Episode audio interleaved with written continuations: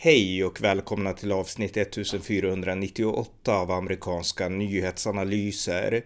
En konservativ podcast om internationell politik med mig, Ronny Berggren, som kan stödjas på swishnummer 070-30 28 95 0.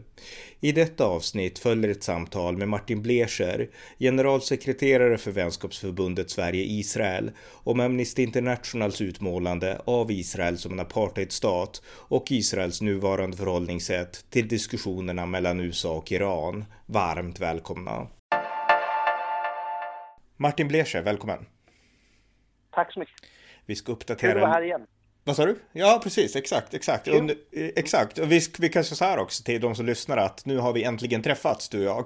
Eh, jag har intervjuat dig i flera år, men nu har vi, vi har fikat i alla fall tillsammans. Ja, det var trevligt och, och jag fick eh, bekanta mig med dina böcker. Jag har precis jag har läst drygt en tredjedel av, av Donald Trumps boken och är mäkta imponerad faktiskt. Det, det är mycket saker som man som man inte vet eh, och som man, som, man bör, som man får insikt av i den här boken. Så jag skulle rekommendera alla att, att köpa den här boken för den är, den är väldigt tydlig, lättläst och välbeskriven.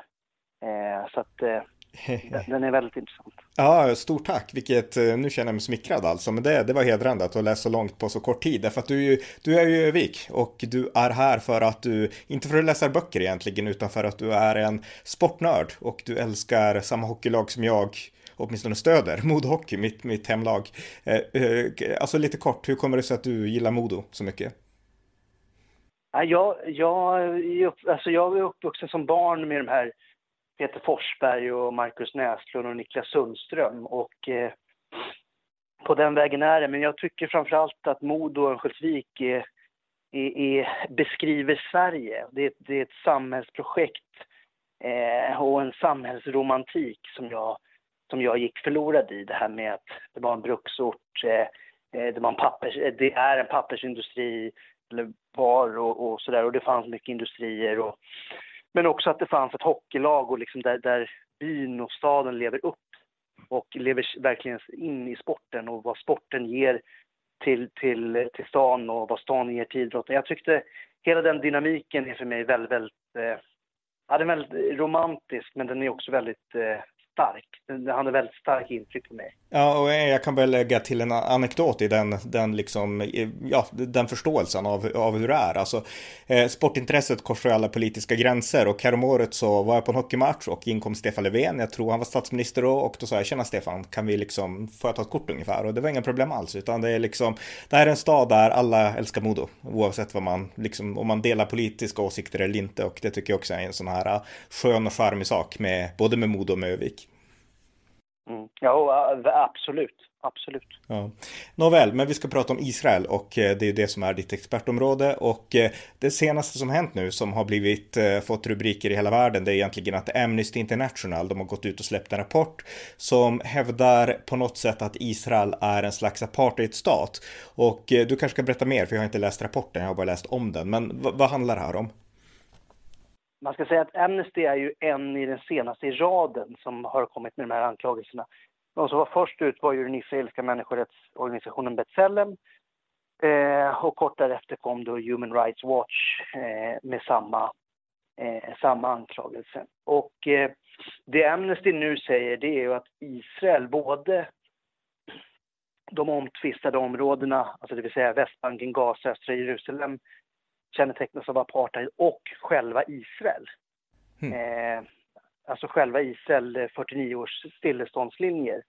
Och det man säger är ju att Israel är, ett, är byggt på, på ett rasistiskt projekt. Det är, det är, de, har, de har som tanke över eh, supremacy på engelska som är vad man ska säga över, eh, övervälde. Eh, det, att man har en, en, en baktanke med att dominera eh, ett annat folk och ett, eh, att hela, hela nationsbyggandet bygger på domination och eh, suppression, alltså under alltså förtryck kan man säga. Och ehm, det är ju en, det är ju, det är ju absurt av flera olika skäl ehm, som jag inte vet om jag ska ta nu eller om jag ska Nej men du, du, får gärna, du får gärna ta dem nu, alltså för det, det är liksom, ja. men, jag kan börja med, vad bygger de det här på? För det låter som rena fantasier. Jag menar, jag har varit i Israel, jag har rest omkring i liksom hela landet och sådär. Jag menar, det, det finns ju inga likheter mellan Israel och vara till exempel en kristen i de här muslimska länderna i Mellanöstern. Där kan man prata om liksom ett förtryck mot liksom minoriteterna, medan araber i Israel, alltså de är ju lika fria som liksom andra israeler. Ja, precis som du säger, så är det är precis det de bygger på. De bygger på att, att det här är ett judiskt nationalprojekt som, som, har, som har företrädelserätt eh, för judar framför andra eh, minoriteter och utifrån detta diskriminerar och eh, bedriver då apartheid eh, eh mot då minoriteter. Man har ju insett att apartheid i den mån det beskrevs i Sydafrika, det vill säga raser, inte fungerar. Därför att, därför att precis som du säger, eh, israeler och araber eh, har många sagt är, är, det finns ju de som säger att man kan inte kalla judar för, eller man kan inte kalla araber för antisemiter för de är semitiska. Och då, säger, då, då, då faller ju exempelvis det argumentet, för då menar man på att det är samma ras. Men å andra sidan så finns det många som säger att ja, men det är inte riktigt en raskonflikt därför att eh, det är ju en nationell konflikt, alltså det är mellan två nationsgrupper. Och att, men, men Amnesty och Human Rights Watch och B'Tselem har valt att totalt förvrida och förvränga begreppet apartheid och passa in i, i en samtida kontext. Och det som, det som är problemet med deras anklagelse, det är ju att om man vill, om man vill applicera det här på begreppet, då kan man applicera det i princip på varenda nationalstat. För varenda nationalstat har ju en form av särprägel. På samma sätt som du har västerländska europeiska demokratier som säger att ja, men det är klart att vi ger majoritetsspråket företräde framför ett minoritetsspråk. Eller vi ger majoritetsreligionen företräde framför minoritetsreligion. Eh, det är ju nummer, det är nummer ett. Nummer två är att det, det är ju väldigt, det är, det är väldigt, väldigt enkelt att granska Israel därför att det är ett öppet eh, samhälle. Du kan finna hur mycket information som helst. Det är därför du har över 200 NGOs i Israel som verkar helt fritt. Eh, och jag, jag, vet inte om det finns något motsvarande land i världen som har så många NGOs. Och eh, du har mer journalister i Israel än vad du har i hela Sydamerika. Och då kan man ju fråga sig så här, men om det är, eftersom det är så öppet, varför har man då tagit, varför granskar man det här? Varför granskar man, granskar man inte slutna samhällen? Därför att de kan inte. Det är ju det som Human Rights Watch och Amnesty och alla de här människorättsorganisationerna inte klarar av. Därför de, de klarar inte av att göra den här distinktionen mellan öppna och slutna samhällen. Det är ju ganska signifikativt att Human Rights Watch grundare, som hette Bernstein, 2009 så gick han till angrepp mot sin egen organisation och sa att Human Rights Watch har, har, har inte alls den organisationen som jag grundade. Varför? Därför att för de kunde inte göra en distinktion mellan öppna och slutna samhällen. Och när man har passerat den gränsen, när man inte kan se distinktionen mellan öppet och ett slutet samhälle och vad det gör med de mänskliga rättigheterna, då, då har man ju förlorat sin verkningsgrad. Mm.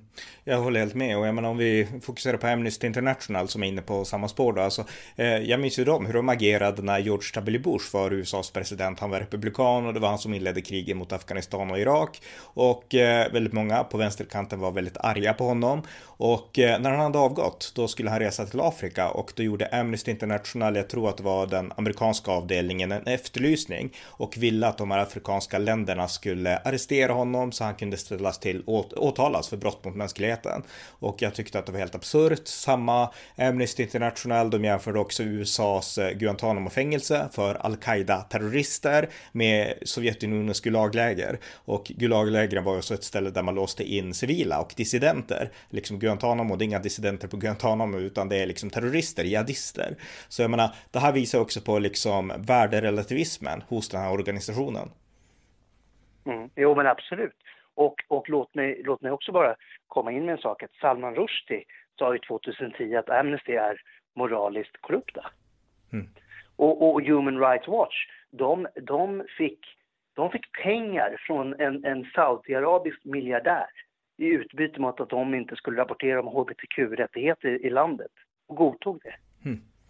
Ja. Så, att, så, att, så att lite, lite sunt förnuft får man ha när man tittar på det här. Och, och, och, och, och, och det, alltså, det, jag, jag blir ju rädd. Jag blir mörkrädd. För att man kan säga så här att visst, man kan ta allting med en nypa salt, men någonting, om Freedom House ger Israel 76 poäng av 100 möjliga och, och The Economist nu kommer ut med sin demokratiranking där Israel hamnar på 23 land i världen. Då måste man ju fråga sig, men vad är det som försiggår?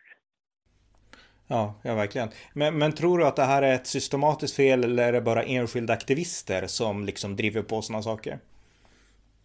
Nej, jag tror att det här, det här kommer nog eskalera. Nu har ju eh, FNs, mänskliga, eh, FNs eh, eh, människorättsråd för mänskliga rättigheter har ju en stående punkt på agendan där Israel ska granskas framför alla andra länder, där de nu ska granska Israel eh, och där de har eh, ingen tids, tidsfrist alls, utan de har en budget på, på 5 miljoner årligen.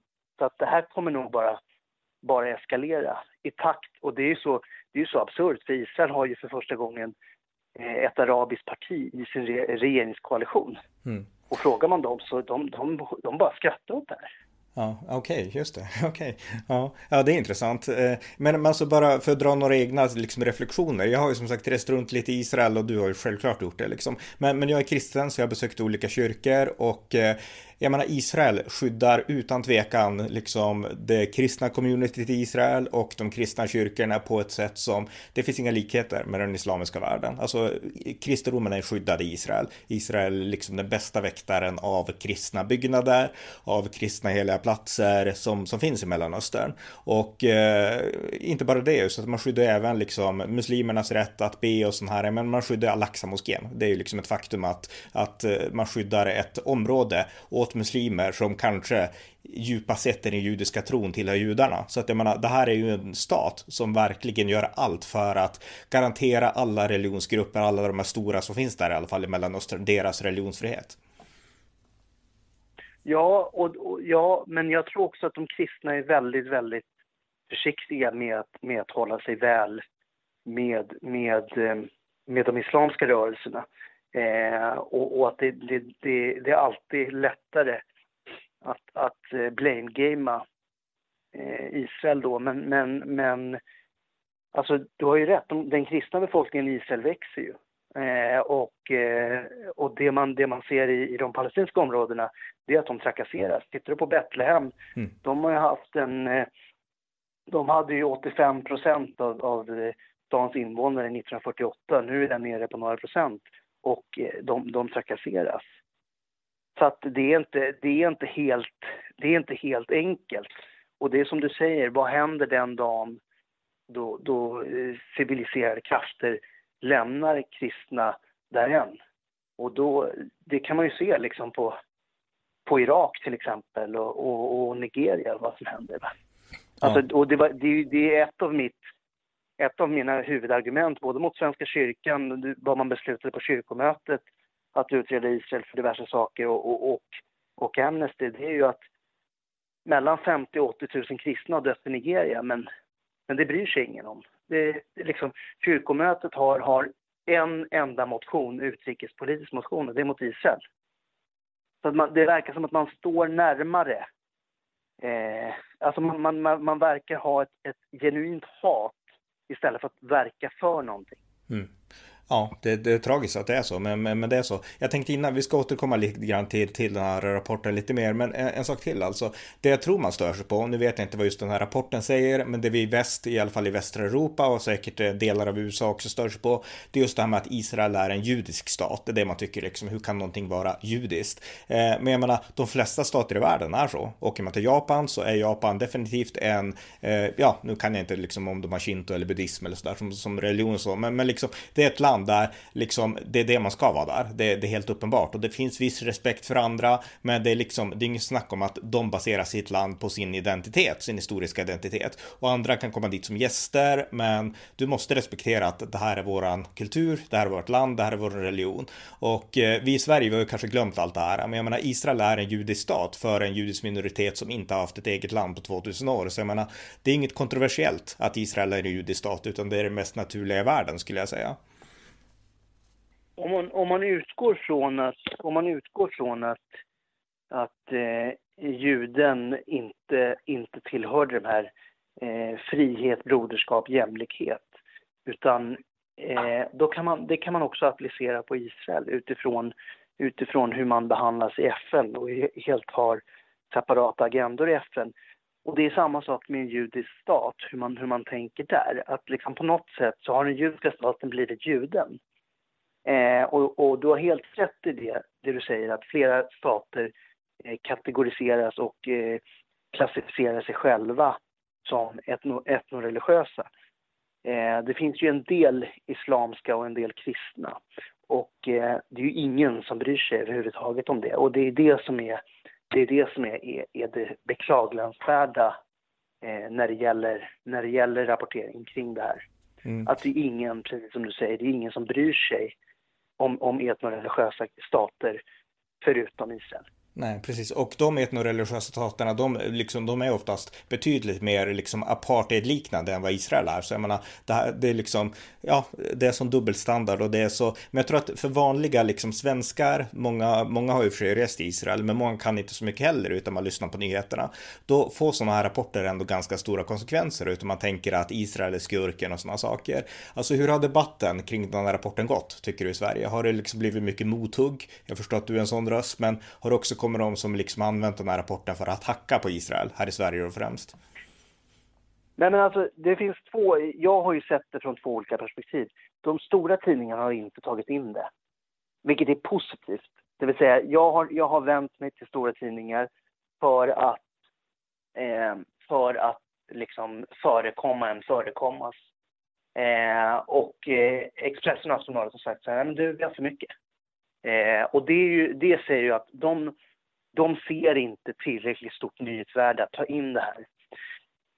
Det, det, är ju det positiva. Det negativa är däremot att det finns liksom eh, vanliga gemene man då som skriver i, i debattartiklar på, på kanske Göteborgs-Posten eller Kyrkans Tidning eller andra eh, tidningar där de säger ja, men, ja, men om, om Israel inte är någon apartheidstat så har de ingenting att frukta. Ja, men det handlar inte om det. Alltså det, det, det är det här argumentet som är så förvrängt och korkat. Därför att det handlar inte om det. Det handlar om att varför ska den här staten utsättas för det här om du har så pass mycket värre? Och det är liksom, om du, om du får 70, 76 procent av Freedom House, eller 76 poäng, eller, och ligger 23 eh, av, av eh, The Economist Index, så varför ska de överhuvudtaget befatta sig och befinna sig i en sån position istället för att fråga fråga det moraliska o, o, eh, oförsvarbara av, av, av det Amnesty och Human Rights håller på med. Men där, så långt har ju liksom inte poletten trillat ner hos, hos gemene betraktare. Det är som att så här, människor inte är tillräckligt självständiga tänkare. Mm. Man kan göra det ännu enklare också. Man kan säga så här, alltså varför ska man utgå från det som är en lögn? Alltså liksom diskutera det när sanningen är en annan. Om man vill göra det väldigt enkelt. Jo, absolut, absolut. Men om du inte har, om du inte har den infallsvinkeln och har den kunskapen, mm. utan du är liksom vanlig, vanlig person och ställer, ja men vadå, du har ingenting att frukta. Om du varken vet bu eller bä. Så, men då vet du väl så pass mycket att så här, Israel kan inte likställas med, med, med Syrien eller Libanon, men ändå får de en granskning, men, mm, ja. men ingen annan liksom. Nej, nej precis. Ja. Eh, precis. Eh, jag tänkte också att vi skulle prata lite kort om ett annat ämne. Jag är inte helt uppdaterad där, men det händer väldigt mycket med Iran och eh, USA har inlett ett nytt, alltså man vill inleda det här eh, kärnavtalet om Iran som, som Donald Trump upphävde.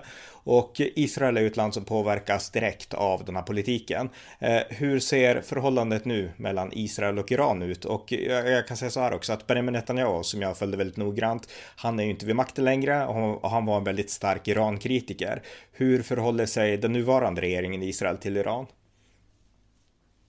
den nuvarande regeringen till Israel är ju, är ju också väldigt kritisk mot det här eh, avtalet som nu håller på att förhandlas fram. Det, den skiljelinjen man har mot, mot företrädaren är ju att eh, eh man, man inte vill ha, man vill inte ha daylights mellan, mellan israeliska administrationen och, eh, och amerikanska administrationen. Det, det vill säga att man, man föredrar att ta sina dispyter eh, på tu man hand och inte gå ut, och media, och inte gå ut i media och, och släppa eh, liksom soundbites eller, eller sådär. Utan man, man föredrar att ha sina dispyter eh, low key eh, med, med amerikanska administrationen. Det här kommer ju vara, vad, vad, jag har förstått och vad jag har läst mig till så kommer det här vara en mycket, mycket sämre eh, deal än JCPOA. Eh, och några har ju, har ju till och med Eh, sämre för Irans del eller sämre för Israels del? Eller? Sämre, för, sämre för, för Israels del och sämre för väst del. Mm. Man, har, man har till och med sagt att vi tror att det kommer att vara less for less. Alltså mindre för mindre. Det vill säga att ja, Iran kommer att få sanktionslättnader och de kommer att få stora delar av sitt program kvar. Och nu ska vi också tillägga att den dealen som förhandlades fram 2015 var ju exakt samma sak. De fick ju, det var inga anläggningar som nedmonterades utan de, de pausades och man eh, flyttade ut, man fippade ut bränsle, kärnbränsle från Iran men det var inga anläggningar som nedmonterades. Eh, det som har hänt nu är ju att Iran har anrikat uran upp till 60 procent och det är ju det högsta Eh, eh, andel eh, eh urananrikning förutom 90 procent vapen, vapengradigt för att nå kärnvapen då. Eh, så att eh, jag tror att, men jag tror att Biden och eh, USA vill ha den här dealen mer än vad, Iran, vad iranierna vill ha, på samma sätt som Obama ville. Eh, och sen är ju frågan, eh, sen är frågan, man pratar lite, men ska vi göra det här som en treaty?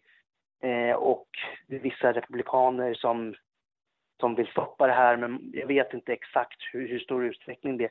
Det som är noterbart är att tre, två eller tre av Rob Malley, som är huvudförhandlare för USA, eh, två av, av, tre av hans experter har då hoppat av eh, de här samtalen för att de tycker att, att USA har en för soft linje, har en för mjuk linje mot Iran.